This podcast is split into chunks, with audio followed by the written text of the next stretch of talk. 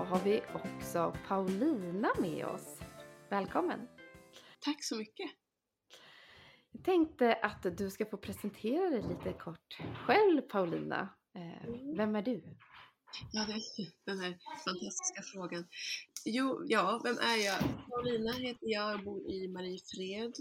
Är snart 40 år gammal helt plötsligt, tiden går fort. Och har eh, då fyra barn i väldigt olika åldrar.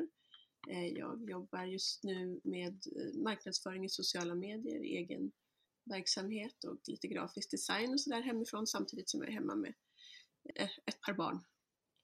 Härligt! Och de barnen du är hemma med, hur gamla, hur gamla är de? Min lilla tjej hon är snart två år, hon fyller två år här i, i april. Och sen så har jag en liten pojke som är född i december så att han är lite drygt två månader. Ja, Mm, åh vad härligt. Då har du fullt upp där hemma. Det kan man säga. Mm. Och det kanske kommer märkas i det här eh, avsnittet också, för nu har vi lite barn runt omkring oss. Så det blir extra levande. Även jag har en eh, stampande femåring här hemma. Så när jag har lite dunsar i bakgrunden. Men Paulina, du har två äldre barn också. Ja, precis. Min, eh, mitt äldsta barn Melker, han fyller faktiskt 18 nu i juni. Och sen så har jag en pojke som heter Stellan som fyller 12 här om eh, några dagar bara faktiskt. Så det börjar bli ett gäng. Wow! Har du ammat alla dina barn, Paulina? Ja, men det har jag. Hur har det varit? Har det skilt sig erfarenhetsmässigt eller har det varit ungefär samma?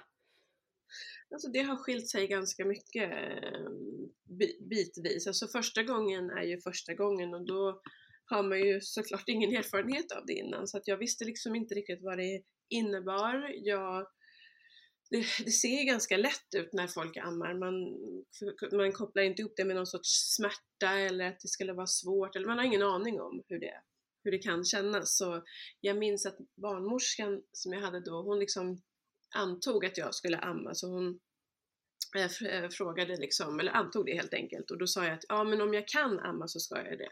Och då tyckte hon liksom att ja men det är klart du kan amma, alla kan amma i princip. Jag minns också då att jag hade läst väldigt mycket om amning och som man gör när man är gravid. Första gången så läser man väl så mycket som man kan om allt möjligt. Där det var delade upplevelser om just amning. Så att när jag väl började amma så blev jag väldigt överrumplad av hur ont det gjorde. Det var ingen som hade sagt det. Mm.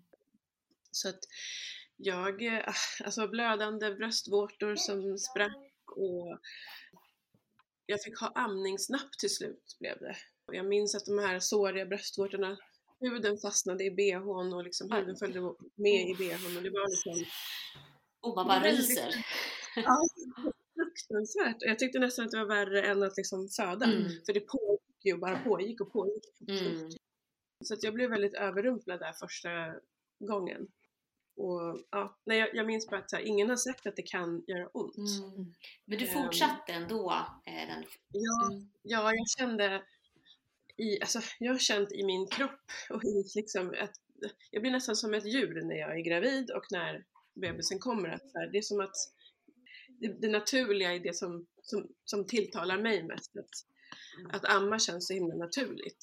Även om det var tufft och svårt så kändes det i hela min kropp att det är det här jag ska göra. Har du tänkt sådana tankar innan du blev gravid för första gången? Eller var det här en ny... Vart förvånad över att det här var- var en känsla som infann sig? Ja, men jag blev nog lite förvånad. Jag hade inte tänkt, alltså jag fick barn tidigt och jag hade liksom inte tänkt så mycket, eller jag har aldrig varit så intresserad av barn, eller innan det då var jag ju aldrig speciellt intresserad av att skaffa barn. Utan jag var, liksom drömde om karriär och massa sådana här saker, så jag har liksom inte funderat så himla mycket, eller hade inte funderat så mycket på barn hit och dit när, det här, när jag väl blev gravid och allt sånt. Så att när jag väl började läsa och liksom fundera och sätta mig in i saker och ting så var det i och för sig mycket som kändes naturligt och föll på plats där och då. Men då var jag ju redan gravid med hormoner och allt vad det innebär. Mm. Jag har inte funderat så mycket innan på hur, hur det ska vara eller hur man ska vara eller Mm. så. Nej. Hade du några erfarenheter av, eh, låt säga, anhöriga, alltså närstående vänner eller någonting som, som hade erfarenheter kring, kring amning? Har du sett någon amma? Nej, alltså jag är adopterad. Så att eh, jag har själv inte blivit ammad eh, och min mamma ammade ju liksom inte mig då när jag kom till Sverige och var tre månader. Och jag var först i min, bland mina kompisar att få barn också så att jag hade ingen runt omkring mig som jag kunde prata om amning med. Pratade, min mormor kanske men vi, det blev inte så att vi pratade om det. Mm. Kände du att du fick något stöd i att du hade lite problem i början med, med såriga bröstvårtor och så? Ja, jo men jag hade jättefin eh, fint stöd och hjälp på, på BB. För det var där det började, det blev så direkt. Och eh, då, då minns jag att jag fick den här amningsnappen och de var hos mig ofta och hjälpte till och ja, det var jätte, en jättefin upplevelse. Hade jag inte haft så fina människor runt omkring mig som också uppmuntrade mig och sa att det här kommer gå över så kanske, kanske jag inte hade fortsatt. Det, vet, Mm. det är svårt att säga men alltså, så smärtsamt och så jobbigt var det. Mm. Mm. Att fångas upp där är ju verkligen A och O. Och också faktiskt få det här ljuset i tunneln som du säger, så här, det kommer att gå över. Men Mm. att man har någon som håller den där hela tiden. Vi ser ju Mm. att det glappar lite amningsmässigt mellan att, man, mellan att man går från BB till att man tas över helt av BVC, att det är många som slutar amma där. Och jag tänker att det är just av den här anledningen. Att man precis just då i den här krisen när man har det så himla tufft, inte har någon precis den dagen eller de dagarna som håller en och guidar en. Och, Exakt, och säger rätt saker. För att det, det är precis det som du sa nu är min eh, upplevelse också av men vad många andra kvinnor berättar. Att ibland det här lilla glappet då mellan eh, BB och BVC, och att man ibland liksom kan få lite knasiga råd av BVC. Att man kanske inte får den där stöttningen utan man, de kanske säger istället, men börja med ersättning, Så ta flaskan lite snabbt. Mm. Men det är min Min- upplevelse också att alltså, om jag generaliserar, sen så eh, behöver det inte alltid vara så och BVC är helt fantastiskt att det finns. Men jag håller, jag håller med. Vi har pratat en del om det i podden här tidigare också. Mm. Mm. Och där tror Mm. jag, det där är ju så himla personbundet skulle jag vilja säga. Det handlar ju mycket om lite eget intresse i ämnet och allting. Nu har ju BVC kanske en större del i, eh, i det här med, i det här med amning. Men eh, både i våran profession, jag tänker barnmorskor och så, så även såklart BVC-sköterskor har men man har olika intressen och har man kanske inte ett Mm. jättestort intresse eller kunskap heller så så kanske man också tycker att det är den enkla vägen. Vi blir ju också färgade av våra kunskaper och kanske egna erfarenheter såklart. Mm. Såklart, men jag tänker bara att deras fokus är ju kanske på bebisen mer än mm, liksom den hormonstinna mamman Mm. som känner sig ledsen och misslyckad. Och det kanske är den känslan man måste bli hjälpt med. Då är det ju kanske viktigt att, att få hjälp av experter inom det så att säga. Mm. Verkligen. Eller, Det är inte, inte kritik från BVC för de har ju sin agenda, alltså fokus. mm. Men eh, jag, jag har upplevt att när jag har sökt hjälp, det har jag gjort även eh, ja, med mitt tredje barn så hade jag också jätte problem där i början, ungefär samtidigt som mjölken rann till, baby blues kom in och liksom såriga bröstvårtor var ett faktum. Jag grät och grät och Mm. grät. Jag ringde jag till er och eh, fick träffa en barnmorska som var liksom helt fantastisk och räddade, plockade verkligen upp mig där och liksom räddade mig i den känslan som jag hade då. Mm. Det är bara så, så himla viktigt att få känna att så här, det är okej att, att, det, att det inte går bra just nu. Mm. Det är okej, det kommer bli bra. Mm. Och, ja, Du, det, det stödet var väldigt värdefullt. mm. Du brukar säga det, Rebecka, att amning är en akut grej. Amning det behöver man akut hjälp det. med. Ja, därför är det så otroligt viktigt att ja, men antingen att man har stöd hos, Mm. runt, runt sig, alltså man kanske har familj eller vänner, Mm. nära anhöriga, men också att vi, vi inom vården finns lättillgängliga och att man vet vart man ska söka sig. För det är verkligen så att det kan vara, det kan vara det, vet ju, det känner ju säkert du Paulina som har haft lite jobbigt. Alltså, det kan ju vara timmar, så här, från den ena timmen till den andra. Hinner det gå för många timmar så känner man att det här, nu lägger jag ner liksom. Ja, typ. Mm. Verkligen. Och när man blir sådär upprörd eller så himla ledsen, alltså det, när det också är kopplat till de här första dagarna efter förlossningen när man är extremt känslig. Mm. Det, är, usch, det är så svårt för man kan inte tänka, det räcker inte alltid med att tänka glada tankar Nej. liksom.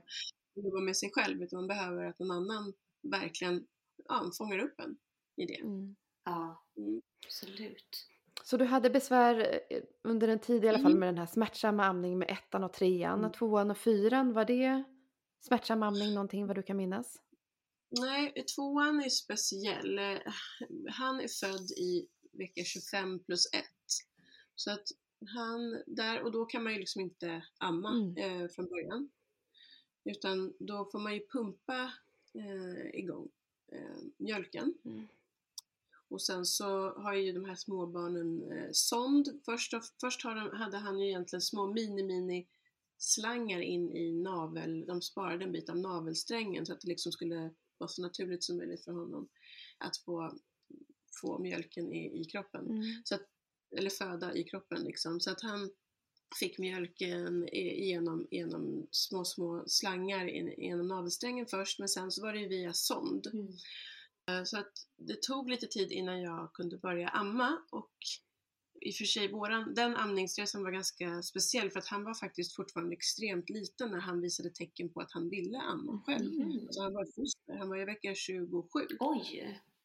Mm, så jag minns att jag satt hud mot hud med honom som jag gjorde varje dag, många, många, många timmar. Och helt plötsligt så började han, han hade ju liksom en så kallad CPAP på sig som är en apparat som blåser ner luft i eh, näsan eller via munnen så att det blir lite lättare för de här små barnen att andas. Eh, alltså, men med, med alla slangar och allting så började han liksom helt plötsligt vilja ha, lägga sig ner, ner mot brösten så att han liksom hasade, hasade ner mot bröstet. Eh, det var helt otroligt Wow. eh, hur en sån liten människa, ett foster, kan kommunicera på det sättet. Precis, så Ehm. naturliga instinkter så tidigt. Ja, helt otroligt. Helt otroligt. Och då så lät jag honom glida ner och så höll jag honom mot bröstet och så började han liksom suga. Och då så klarade ju han, det var ju väldigt tufft för honom att svälja och andas i den här maskinen och alla, alla möjliga grejer så att han liksom klarade ju bara ett par sug. Sen var han ju nästan medvetslös, mm. säga, men som, som somnade väldigt gott där. Och i början så trodde inte ens eh, sjukhuspersonalen på mig. Utan de tänkte att ah, det är önsketankar, det är fint. Liksom. Ja. så, så satt jag ju så eh, varje dag och till slut så såg de det. det var, de har aldrig sett, aldrig sett ett så litet barn som ammade. Men kunde ni vara hud mot hud redan där vecka 21 eller 25 plus några dagar när han var så? Ja.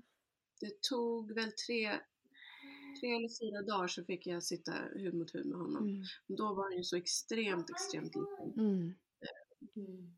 Men eh, ja, så fort som möjligt så ville de att vi skulle göra det. Precis, Ja. och det, det fortsätter man ju med fortfarande, att man vill göra det så fort som möjligt. Men Ja. Mm. ibland är det ju, ja men det är inte helt lätt, det är inte bara att ta upp ett barn och lägga på bröstet. Det är ju som du säger mycket slangar och så vidare. Precis. Skört liksom. hårda, liksom. Nej, så det var helt otroligt och då eh, hade jag liksom pumpat, jag pumpade ju, jag minns att jag frågade hur mycket ska jag pumpa, hur ska jag göra för att få igång det här? Mm.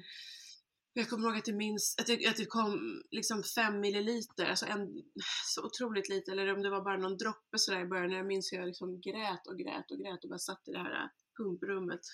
Och så frågade jag, hur ska jag göra liksom för att få igång det här? För att med mitt första barn så hade jag ju, när det kom igång och allting blev bra, så hade jag ju också extremt mycket mjölk. Mm. Eh, det var som att det sprutade, det var som kranar liksom som öppnades. Så att ibland kändes det som att jag höll på att dränka min lilla bebis. Eh, Så jag visste ju liksom att jag, eh, jag har ju eh, mjölk. Jag, det, ska, det ska kännas så här, det ska upp liksom så. Jag hade ju erfarenhet. Så att jag frågade då hur jag skulle göra och då sa de att jag skulle pumpa tre gånger, nej var tredje timme, men att jag inte behövde göra det på natten. Men då gjorde jag det ändå dygnet runt för att då, då kändes det ju som att jag hade en bebis Mm. för det man blir Mm. liksom Och också klokt att använda natten där faktiskt för att vi har sådär ex- extra Jag tänkte precis Mm. också säga det. var klokt av dig. Ja. Ja, jag kände nu, nu ska det liksom gå. Så, eh, och, och då bodde ju jag på sjukhuset också och då kunde jag ju alltid liksom passa på att gå in till min lilla bebis i kuvösen Mm. och ta lite på honom och så. Mm. Mm. Tror du att det hjälpte dig Paulina att det var andra barnet? Att du hade varit med om det här innan? Eh, och amma och ha och ett barn Ja. att du liksom... Ja, jag tror att det hjälpte jättemycket. Det, det hjälpte att känna, jag visste hur, man, hur det ska kännas att älska ett barn. Ehm, Jag visste ju hur, hur det känns att vara mamma liksom. Vad man vill ge ett barn. Närhet, eh, om en omsorg, mm, ja, kunna mata sitt barn. Alltså alla de här sakerna, naturliga sakerna i en visste jag ju att jag, att jag hade. Mm. Och det var väldigt viktigt i den här otroliga liksom, tragedin. För det var, det kände, det var Mm. väldigt, väldigt omtumlande och hemskt och Mm. jobbigt. Och, så på allt. Men så jag kunde liksom lugna mig i det efter jag, jag visste, jag vet hur det ska kännas och jag använde de erfarenheterna till att liksom göra det bästa jag kunde. Mm. Precis. Viktigt det du säger att det, är, att det faktiskt kan vara ett trauma som händer i, Mm. i en. Och inte Mm. nog med, med traumat där och då med det barnet. Du hade ett barn hemma också och det kan också ibland vara mycket jobbiga känslor i det. Och veta att man kommer behöva vara så extremt mycket på sjukhus. Ja, det var fruktansvärt. Mm. Ingenting, jag, jag klarade liksom inte av att lämna sjukhuset för att det var så Alltså, eh, mitt barn var ju kvar där, då kan inte jag liksom fysiskt vara någon annanstans. Det, jag fick inte ihop Nej. De tyckte att jag skulle åka hem och sova. Jag sa jag, jag kan inte lämna sjukhuset. Jag kommer inte lämna sjukhuset Mm. förrän eh, jag tar mitt barn med mig. Så att de fick, de fick hitta eh, sovplats till mig och allt, eh, ja, Mm. allt sånt. Mm. Men det som var bra i den situationen med att jag hade ett, eh, ett syskon till honom var att syskonet var sex år äldre. Mm. Att han var ju ganska, alltså en lugn kille dessutom. Det hade varit annorlunda om det var en tvååring. Mm. För att man kan inte be en tvååring vara tyst och sprita händerna. Mm. Utan här, men där funkade det väldigt bra att när jag, kunde, när jag satt i eh, akutrummet på Neo då visste ju min son, som kanske satt och ritade på rummet, så visste ju min son att jag satt där. Det var väldigt nära. Så han kunde komma in och visa teckningar och liksom sprita och viska och Mm. var, han var väldigt lugn. Mm. Så det funkade förhållandevis bra att vi kunde liksom bo där som, ja, Mm. som familj. Mm. Så det, Kommer han ihåg det här, din äldsta son? Pratar ni någonsin om det? mm, ja, det var, det- nu var det ett tag sedan vi pratade om det, men vi, vi har eh, verkligen återkommit till det. Ja, ehm, men med han, som han var då så var han väldigt, han tyckte det var väldigt spännande att få bli storebror och han tyckte det var så fantastiskt och allting, men också såklart komplicerat eftersom han fick en lillebror utan immunförsvar och man fick inte göra det och man fick inte göra så och inte si. Alltså det var en jättespeciell tid. Och jag vet att han har känt sig liksom, hur ska jag säga, lite Ja, som att lillebror fick verkligen komma först och han hamnade liksom lite i skymundan stundtals. Mm. Mm, och det har varit tufft och det har vi fått prata om mycket. Mm. Eh, Bra att Mm. ni har kunnat prata om det också, för det är ju säkert eh, oerhört vanligt eh, när man får eh, barn som på något sätt eh, ja, men inte mår bra, kanske sjuka Mm. eller sådär. Mm. precis. Men vi har pratat om det faktiskt. Jag frågade honom faktiskt, vad tycker du att eh, har varit liksom sämst med mitt föräldraskap? Frågade honom nu för inte så länge sedan faktiskt. För jag tror att det är bra att prata om svåra, man måste kunna prata om svåra saker också. Och ingen förälder är perfekt och det är inte meningen heller. Men jag tror att det är bra för barnet att känna att man bryr sig. Alltså det är väldigt viktigt. Anknytning är ju någonting som man måste hålla fast vid alltid, Mm. även när barnet är 17 och 18 också. Mm. Så jag pratade med honom om det och då sa han just ja men jag min, det här, det här tyckte jag var jobbigt. Och då var det ju, ja faktiskt i, i och för sig det här, inte just på sjukhuset men att ha en brorsa som var annorlunda och hur fokuserad jag var på honom. Att storebror har alltid varit en väldigt lugn kille. Alltså det har aldrig varit något trots, det har aldrig varit något liksom aldrig någonting speciellt liksom, utåtagerande, ingenting med honom. Han har alltid varit så himla lugn och fin. Och då kunde jag liksom säga till honom, när lillebrorsan var, fick utbrott och hej och hå, då kunde jag liksom säga till honom att men, du som är så lugn, du kan väl bara, om du bara gör så här så kan lillebror bli lugn igen, typ Mm. så. Och det tyckte han inte var något bra Mm. för mig. Mm. Det om. Men ja, så nu har vi rätt ut det, vilket har också varit väldigt bra. Mm. Och, Bra, det där ska jag själv ta med mig. Mm. Verkligen, när man kan börja prata lite mer, kanske lite tidigt. Ja, men- Ja, ja mina tre och ett halvt åringar kanske är lite små. kan inte göra den. Ja, inte på den nivån i alla fall. Sen kan man ju såklart ändå sådär Mm. Ja, Mm. Ja men verkligen, jag tror man kan vara ännu bättre på jag tar också till mig det jättemycket, fint sagt. Mm. Alltså där, vad tycker du, eh, ja, tycker du att mamma gjorde något fel nu? Eller, vad? alltså absolut, de, Mm. de måste ju också få ha åsikter. Mm. Mm. ja och jag vill inte att de, jag vill framförallt att de ska känna att de har makt över sitt liv. Mm. Mm. Att de inte, är- bara för att man är vuxen, ja vi bestämmer ju massa saker och hit och dit, men så här, de, det är deras liv också. Mm. De måste ju också få känna att de kan säga till och säga ifrån utan att de blir eh, hyschade liksom. Mm. Så. Hur, länge var ni på, hur länge låg ni inne på Neo? När fick ni komma Ja, hem? Vi, ja, vi, nu ska vi se, han föddes cirka 25, vi låg inne 9-10 veckor då. Mm. Eh, Mm. Sen låg jag inne, jag kanske låg inne nio veckor när han, från att han föddes och sen så låg jag inne två veckor innan eller något sånt där. Mm. Så att jag tror att vi bodde där 11 veckor totalt. Mm. Okej. Länge. Mm. Det är svårt Ja, då, svårt att eh, Ja. tänka, tänka sig själv liksom. Ja, Mm. väldigt lång tid. Ja. När ni kom hem, hade ni dragit sonden och så då? Eller hade ni sond mer hem? Eller hur matmässigt? Var det full amning? Hur gjorde ni? Nej men vi hade, vi hade sond med oss hem, minns jag. För att alltså, även om han gick upp bra i vikt och sådär så var han väldigt tidig med att amma och, att, och det där. Så att då, vi hade liksom sonden som i säkerhetsfall. Mm. Då sköt vi till lite extra och, genom den och sådär. Mm. Så att, eh, men det, det, det är så konstigt hur allting, och sen gav vi ju mediciner och så genom sonden. Mm. Men det, det är ju märkligt hur allting blev vardag, även sådana där äh, saker som man nästan typ bara ser på TV. Mm. blev liksom våran vardag med mediciner och sonder och rengöring och tejpbyte och allt vad det var. liksom. Precis.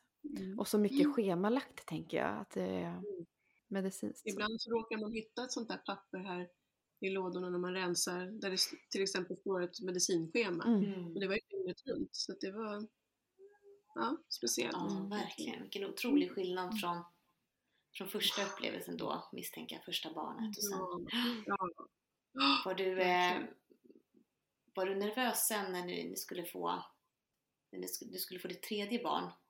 Över att något sånt där skulle hända igen? Mm. Det, nu, nu ska vi se här. Jag har ju sen, sen eh, barn nummer två bytt pappa så att säga. Mm. Bytt man. Så att egentligen när jag hade separerat från yngstas pappa så jag, kände jag mig väldigt nöjd med barn. Därför att det har inte varit superenkelt. Livet efter liksom Neo och man lämnar sjukhus och det ska börjas förskola och allting. Det har liksom inte varit någon spikrak väg utan prematur, eller extremt prematura barn som han ju är som är född innan vecka 28 utvecklas lite annorlunda. Mm. Eh, Så även om man inte har några diagnoser eller kanske supertydliga men från, från det här så har, så har de ändå det och det är någonting man liksom upptäcker lite efterhand. Så det har varit väldigt utmanande att vara hans mamma. Det har varit tufft för honom liksom att eh, han har velat göra massa saker som inte han kanske har kunnat, till exempel eh, börja cykla, det gick liksom inte Mm. när andra började cykla eller knyta skorna, det gick inte. Mm. Eh, Det var mycket utbrott och det var mycket frustration och han var ett väldigt missnöjd, en missnöjd bebis. Mm. Så att jag kände liksom att jag ska inte ha fler barn, jag är färdig med det. Jag eh, gick vidare liksom från det här, eh, ja, alltså man, man, man utvecklas hela tiden med barnet och man kanske glömmer att ta hand om sig själv i det som händer, att bearbeta sina tankar och känslor eh, över vad man har varit med om. Så att när jag träffade min nuvarande man då var jag så här, nej men jag ska inte ha några fler barn och eh, vi, jag, jag är liksom färdig med hela den här familje den klassiska familje, det klassiska familjebildandet är jag färdig med. Men så blir man jättekär och eh, så då blev det en, en tredje graviditet. Och jag kände mig så lycklig liksom i, i det initialt, i alla fall jag fattat det beslutet och var nöjd med det beslutet. Men sen när graviditeten kom så mådde jag så fruktansvärt dåligt. Och jag liksom tolkade, alltså jag fick som en graviditetsdepression. Det var liksom nattsvart. Jag tror aldrig att jag mått så dåligt i hela mitt liv. Mm. Och det var ju också så himla skamfyllt för att man ska ju vara så himla lycklig Mm. när man är gravid. Och um, allt ska vara så härligt som det är på Instagram och hej och. Och det var inte det. Det var liksom en mardröm. Det var som en mardröm bara, varje dag. Eh, och då, jag gick mycket i terapi. Och då pratade vi ju liksom väldigt mycket om den här eh, eh ja, prematuriteten och liksom allt det som hände då. Eh, så att det var ju egentligen som alltså en PTSD Mm upplevelse från, från allt det som jag varit med om. För jag hade ju aldrig gått i terapi och pratat om det utan jag hade ju bara sopat det under mattan och fortsatt mitt liv. Mm. Men när man går igenom så extremt stora saker, för det är det, är det så det är klart att man, det, det var ett trauma helt enkelt som låg där och, och, eh, och pyrde Mm. fram eh, med den graviditeten. Så det var super, supertufft att vara gravid. Eh, Jag kunde inte se framför mig hur, hur bebisen skulle se ut. Alltså det blev så diffust allting. Jag vågade nog inte det för jag tänkte att det här kanske går åt skogen igen. Mm. Och vad gör jag då? Mm. Och klarar jag det en gång till? Och jag vet inte, det var liksom som att eh, mm, en demon tog över. Kom det tidigt i graviditeten det här Mm. jobbiga? Mm. Ja, det kom nästan från början. Det var att, ja, helt plötsligt så mådde jag inte bra och då var jag säkert i ja, men vecka nio eller något sånt där. Mm. Mm. Det var jättetufft. Precis, jag förstår det. Och Mm. dels som du säger att du hade ett obearbetat trauma, inte visste vad som skulle komma och ändå visste vad det innebar att, att, att bli förälder till ett, till ett litet barn. Mm. Började du må bättre under graviditeten? Mådde du dåligt hela graviditeten eller när vände det? Jag mådde egentligen ganska dåligt hela men jag gick superintensivt i terapi. Mm. Eh, och även i, vi gick också i parterapi för han förstod ju ingenting. Mm. Först så hade han en jätteglad och härlig typ eh, ja, men flickvän och som blev, som blev liksom vet inte, allt annat än, än sig själv. Mm. Och det var jättesvårt för honom att tackla att jag liksom var ju aldrig glad utan det blev jätte- jättetufft. Så att vi gick mycket i terapi och eh, till slut, i slutet så kunde vi liksom verkligen, alltså det var bra på ett sätt för vi fick vara tvungna att lära känna varandra i, i, liksom i ens sämsta skick, Mm. i det fulaste man har liksom på något sätt så fick vi verkligen eh, grotta in oss i det och det, det, var, det var bra. Mm. Eh, Så att när väl eh, vi, vi började komma ut på andra sidan så började det bli dags för eh, förlossning. Och då minns jag att vi höll på väldigt mycket och pratade om eh, målet med förlossningen, hur, hur, hur blir livet efteråt, amning, vi pratade om allt sånt. Det blev faktiskt, det blev ganska bra i slutet. Mm. Mm. Och sen eh, eh, när det var dags för förlossning och så gick allting bra. Du, du födde i fullgången tid och så. Ja. Mm. ja, det gick faktiskt otroligt bra. Eh, Så det var en riktigt bra, fin revansch att få föda barn eh, på ett sätt som inte var läskigt. Mm. För att jag, första gången så var jag livrädd för det, det gjorde ju så ont och jag fattade ingenting. Och jag hade liksom inte läst, alltså jag hade inte, eller, läst hade jag väl gjort, men jag hade liksom inte satt mig in, jag hade inte gått någon sån här äh, profylaxkurs eller någonting sånt där. Så när det väl startade igång så blev jag extremt överrumplad och trodde att jag skulle dö på riktigt. Mm. Eh, Och sen så blev det ju den här andra förlossningen som blev väldigt annorlunda och fruktansvärd och traumatisk och eh, ja, det var, det var hemskt eh, den andra gången.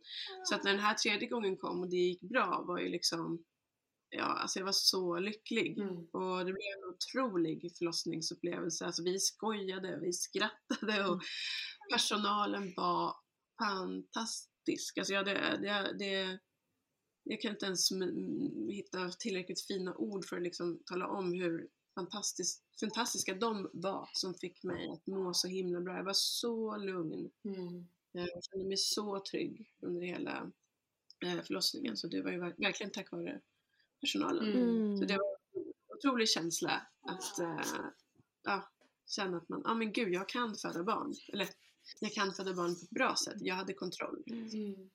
Mm. Häftigt att ha alla så här olika erfarenheter. Dels förlossning, graviditet, amning. Alltså det är s- så Ja. coolt. Verkligen. Ja, Har du känt att dina barn har varit eh, olika i sitt sätt att vara kring det här med amningen? mm. Ja, men det tycker jag nog. Första var ju ganska lugn kring det. Han är väldigt lugn överlag och fortfarande liksom lugn. Så att han var inte så... Han, jo, han kräktes lite minns jag. Och sådär, så det var ju mm, lite så. Eh, men andra var ju mest, det blev så ganska lugn amning med andra barnet. Eh, och, och det blev ju den här starten som blev speciell liksom. Men sen så när vi väl kom igång, det var nog egentligen det finaste amningen ändå. För att när vi väl kom igång och amnade, det, var, det gjorde ju aldrig något ont för vi hade liksom successivt vant in mina bröstvårtor. Mm, det.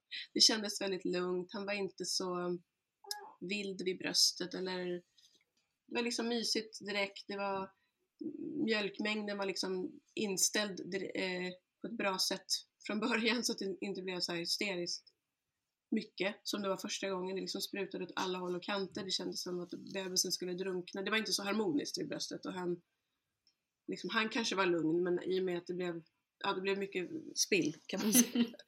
Eh, där. Så att, men det var väldigt fint ändå andra gången. Vi ammade tills han var 15 månader. Eh, sen valde han i princip själv att, att sluta. Mm. Så att, ja, det, var, det var bra.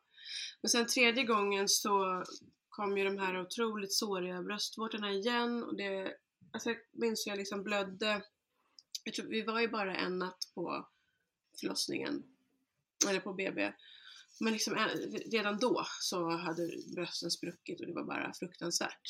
Och hon hade svårt att komma igång med amningen. Hon sög inte bra från början och det gjorde mig jättenervös. Jag hade ju ändå varit med om att barn, barnen kunde suga bra. Eh, så det, det tänkte jag, hur fan ska man, hur tacklar jag det här nu då? Hur ska jag få henne att, att komma igång?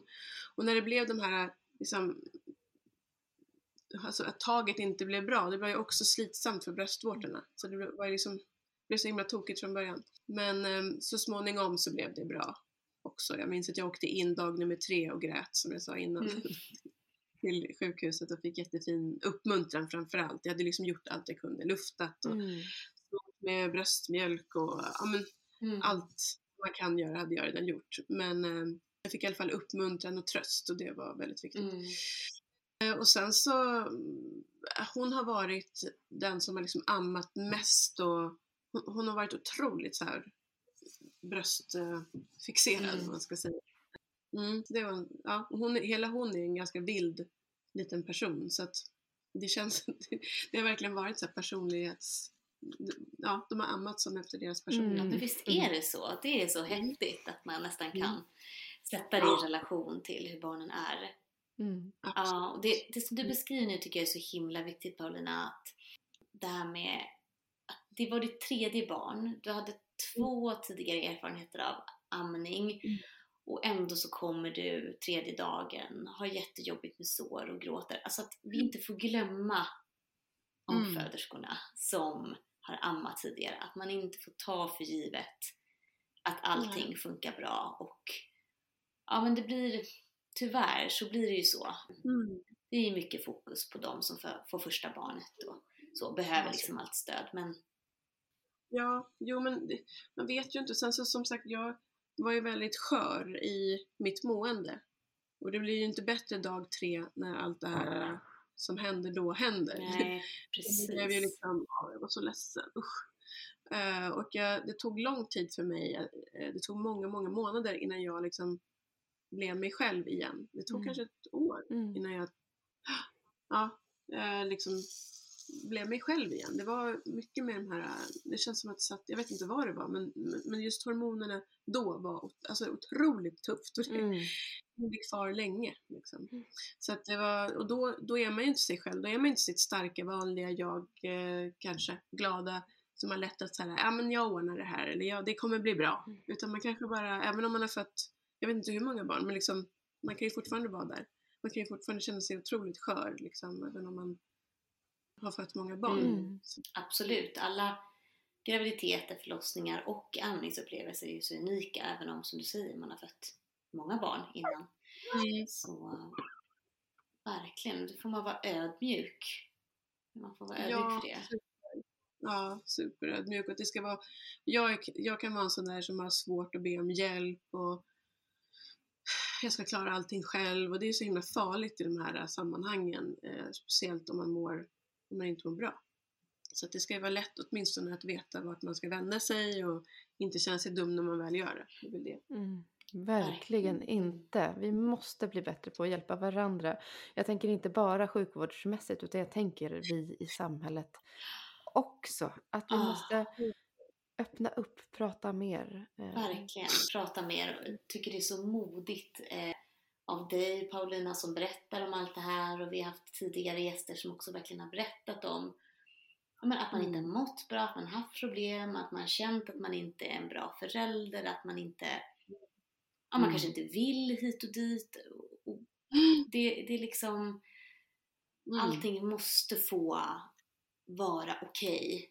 Mm. Ehm, Ja, man känner ju det man känner. Mm. Och det spelar ju ingen roll om det är så eller inte är så, för det är ju verkligt för en själv. Mm. Alltså det, det är ingen som kan ta det ifrån en, utan det är därifrån man måste jobba. Inte, inte, liksom ingen annan får ju tala om hur det ligger till Mm. egentligen. Alltså, det är egentligen tankarna som man måste, få, man måste jobba med där och då. Mm. Eh, och få hjälp utifrån dem. Inte kanske utifrån någon sorts verklighet alltid. Mm. Utan, ja, absolut. mm. Precis, jag tänker på det här stödet som du upplever att du ändå fick när du åkte in där på dag tre, även om du hade gjort allting som de ändå vill rekommendera dig. Man ska inte förmildra handpåläggningen, jag ser dig, jag bekräftar dig. Det går bra, alltså liksom, Ja, det var så viktigt och avgörande. Men när ens partner vet kanske inte har det handlaget som man behöver där Mm. och då. Och man liksom, när man har varit gravid så kanske man, så många, många kvinnor pratar om hur irriterad man kan vara på sin Mm, partner. Mm. Det kan ju följa med in i efterspelet eh, också. Och då är det så himla viktigt att det finns andra personer. Ens partner kan heller inte vara allt det man behöver hela tiden. nej. Alltså det, är ju helt orimligt att ställa de kraven på en person. Så just därför är det så himla viktigt att få rätt på hand, handpåläggning av rätt person. Mm. Så att man ja, kan må Precis. bra igen. Verkligen. Verkligen. Ammar du fortfarande din tvååriga flicka som du hade varit så här bröstkär? Ja, det var faktiskt, planen var att göra det. Men sen så under, eh, nu ska vi se, jag, den sista graviditeten, sista bebisen är en riktig överraskningsbebis. Meningen, eller tanken att, han, att det skulle komma en till. Ehm, så att, nu ska vi se, jag ammade tills hon var 16 månader och då var jag gravid, ja. Ah. Ehm, och det, alltså jag fick så fruktansvärt ont i brösten och hon, hon hade säkert kunnat fortsätta lite så här slentrianmässigt ett tag till. Men hon sög liksom inte, det var inte för mat utan hon är en väldigt matglad person. Så att hon eh, åt ju massa mat och liksom var nöjd på så sätt. Så att det här var ju mest bara för lite mys hitan och ditan. Men jag fick alltså extremt, extremt ont i brösten eh, under graviditeten. Så att, alltså så att jag inte ville att någon skulle titta på dem. Mm. Mm. Och det blev jättesvårt att fortsätta och i samma veva så liksom, hon visade mindre och mindre intresse. Mm. Det är det många som beskriver det. Jag har hört fler som beskriver Mm. att eh, det inte känns eh, bra att amma under graviditeten för att det är inte behagligt helt enkelt. Eh, Nej, Mm. det var, det var hemskt. Det var hemskt. Så att, eh, och jag kände att jag vet inte om jag... Ja, jag fick nästan ångest inför amning med nummer fyra då. Mm. Att så här, herregud, den här smärtan, hur ska jag klara det? Och hur ska jag, om jag nu ska ha ont hela vägen genom graviditeten, hur ska jag liksom klara av att ha ont om jag inte får en paus? Mm. precis. Ehm, så, så att det var, nej men hon liksom var inte så intresserad och jag hade så ont så att då, då slutade jag erbjuda så att säga, eller hon slutade också fråga. Ehm, Mm. Det bara blev att hon slutade efter 16 månader. Mm. Och då, ja, då är det ju lätt att känna sig så här. Ja, nej vad, vad taskigt nu, vad taskig jag var nu eller jag är otillräcklig eller hit och dit men man måste ju alltså, Jag tänker att, inte- att hon kanske, alltså kanske hade hon velat sluta själv ändå ifall hon så enkelt slutade. Du slutade erbjuda, hon Ja. slutade fråga. Då känns det som att hon ändå kanske var lite där.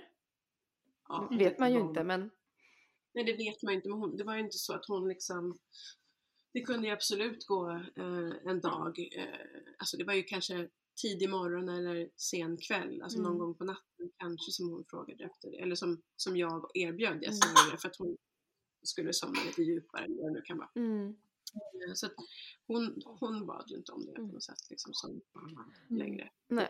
Jag nej, jag har aldrig faktiskt varit med om eh, någon, jag har aldrig slutat att amma medan barnet vill amma Mm. väldigt mycket. Så att eh, det har varit väldigt eh, odramatiskt att sluta amma för mig. Mm. Vad skönt. Mm. Mm. Hur funkar det nu då med fjärde barn? Ja men fjärde, alltså hela den graviditeten, allting gick supersmidigt. Så eh, jag kände på en gång att så här, det här kommer gå så bra. Alltså återhämtningen kommer gå bra och förlossningen kommer gå bra. Jag var helt eh, så otroligt lugn i allting. Eh, och hur var amningen i början? Jo, men jag hade nog hade jag amningsnapp nästan från början.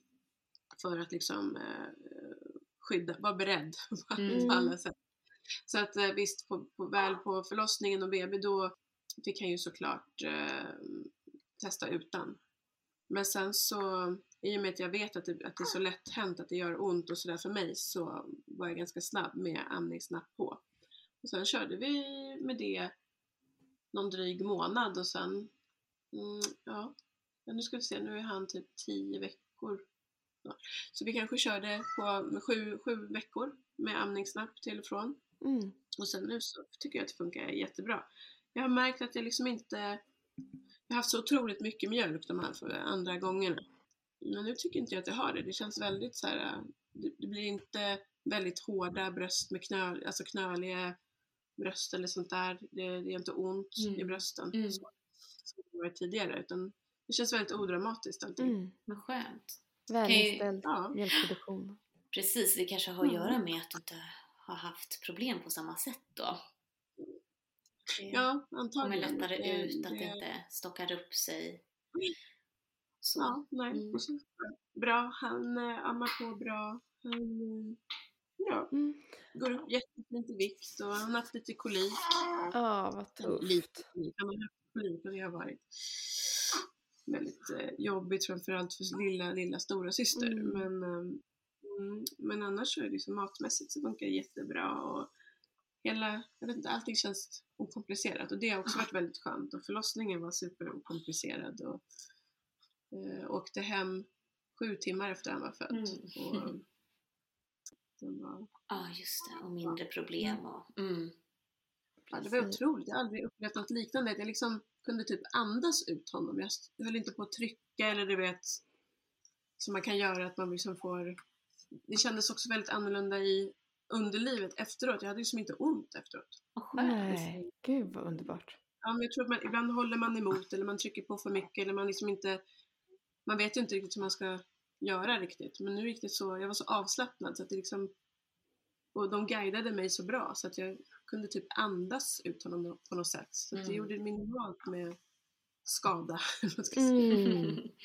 Ja, Häftigt. Skönt att höra. Och det är ju det som är det optimala många gånger. Att eh, just andas ut om man kan.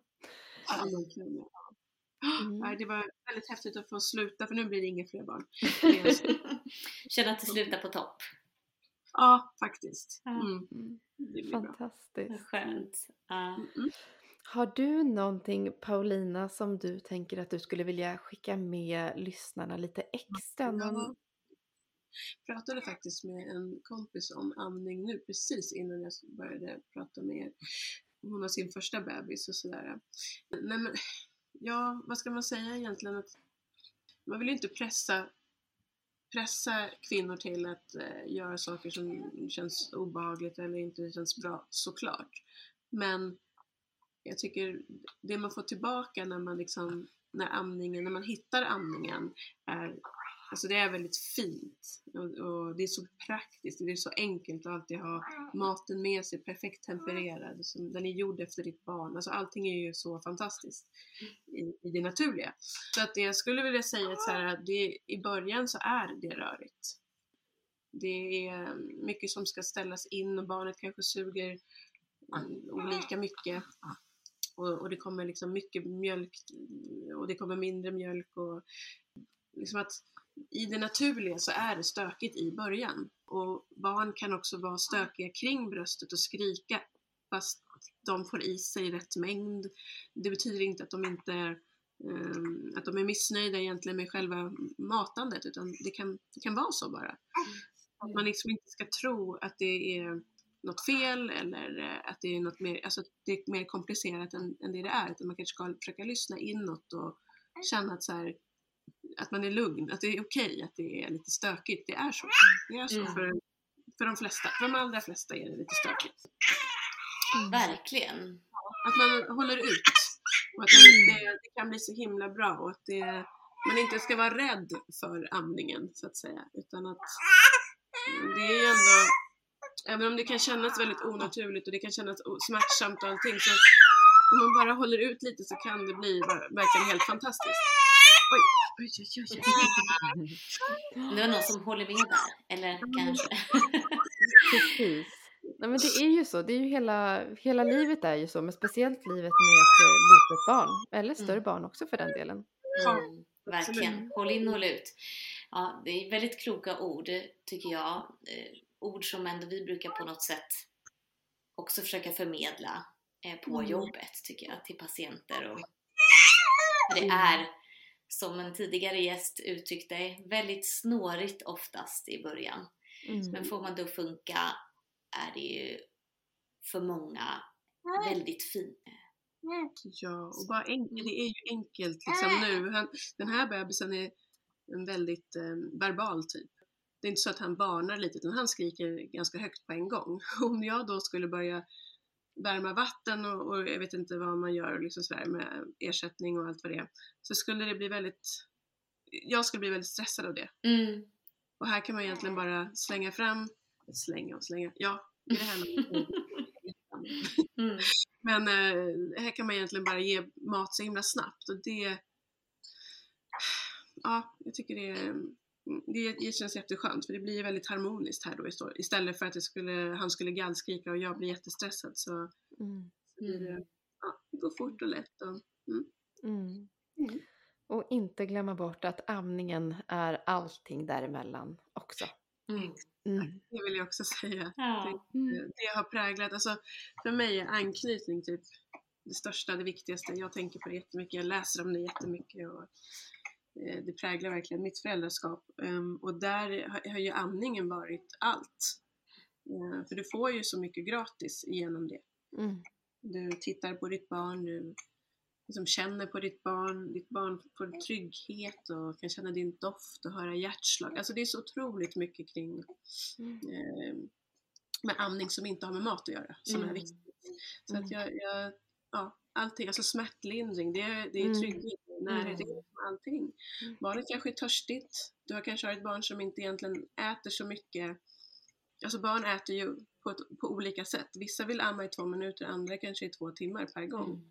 Mm. Eh, och, och på det här sättet att kunna erbjuda bröstet eh, så, så får ju barnet allt det det vill ha. Liksom. Så att säga. Du behöver inte tänka så mycket på, på det. Liksom. Utan om man har det så, så ger man ju allt som barnet egentligen behöver. Och våga fråga om hjälp om ni behöver. Mm. Mm. Tack så jättemycket Paulina för eh, att du var med oss idag. Och Tack för att jag Ja, jätteroligt att få lyssna på alla dina berättelser, erfarenheter. Verkligen. Ta hand om er så släpper vi ett eh, nytt avsnitt om en vecka. Bra. Då ses vi. Hej då! Hej då!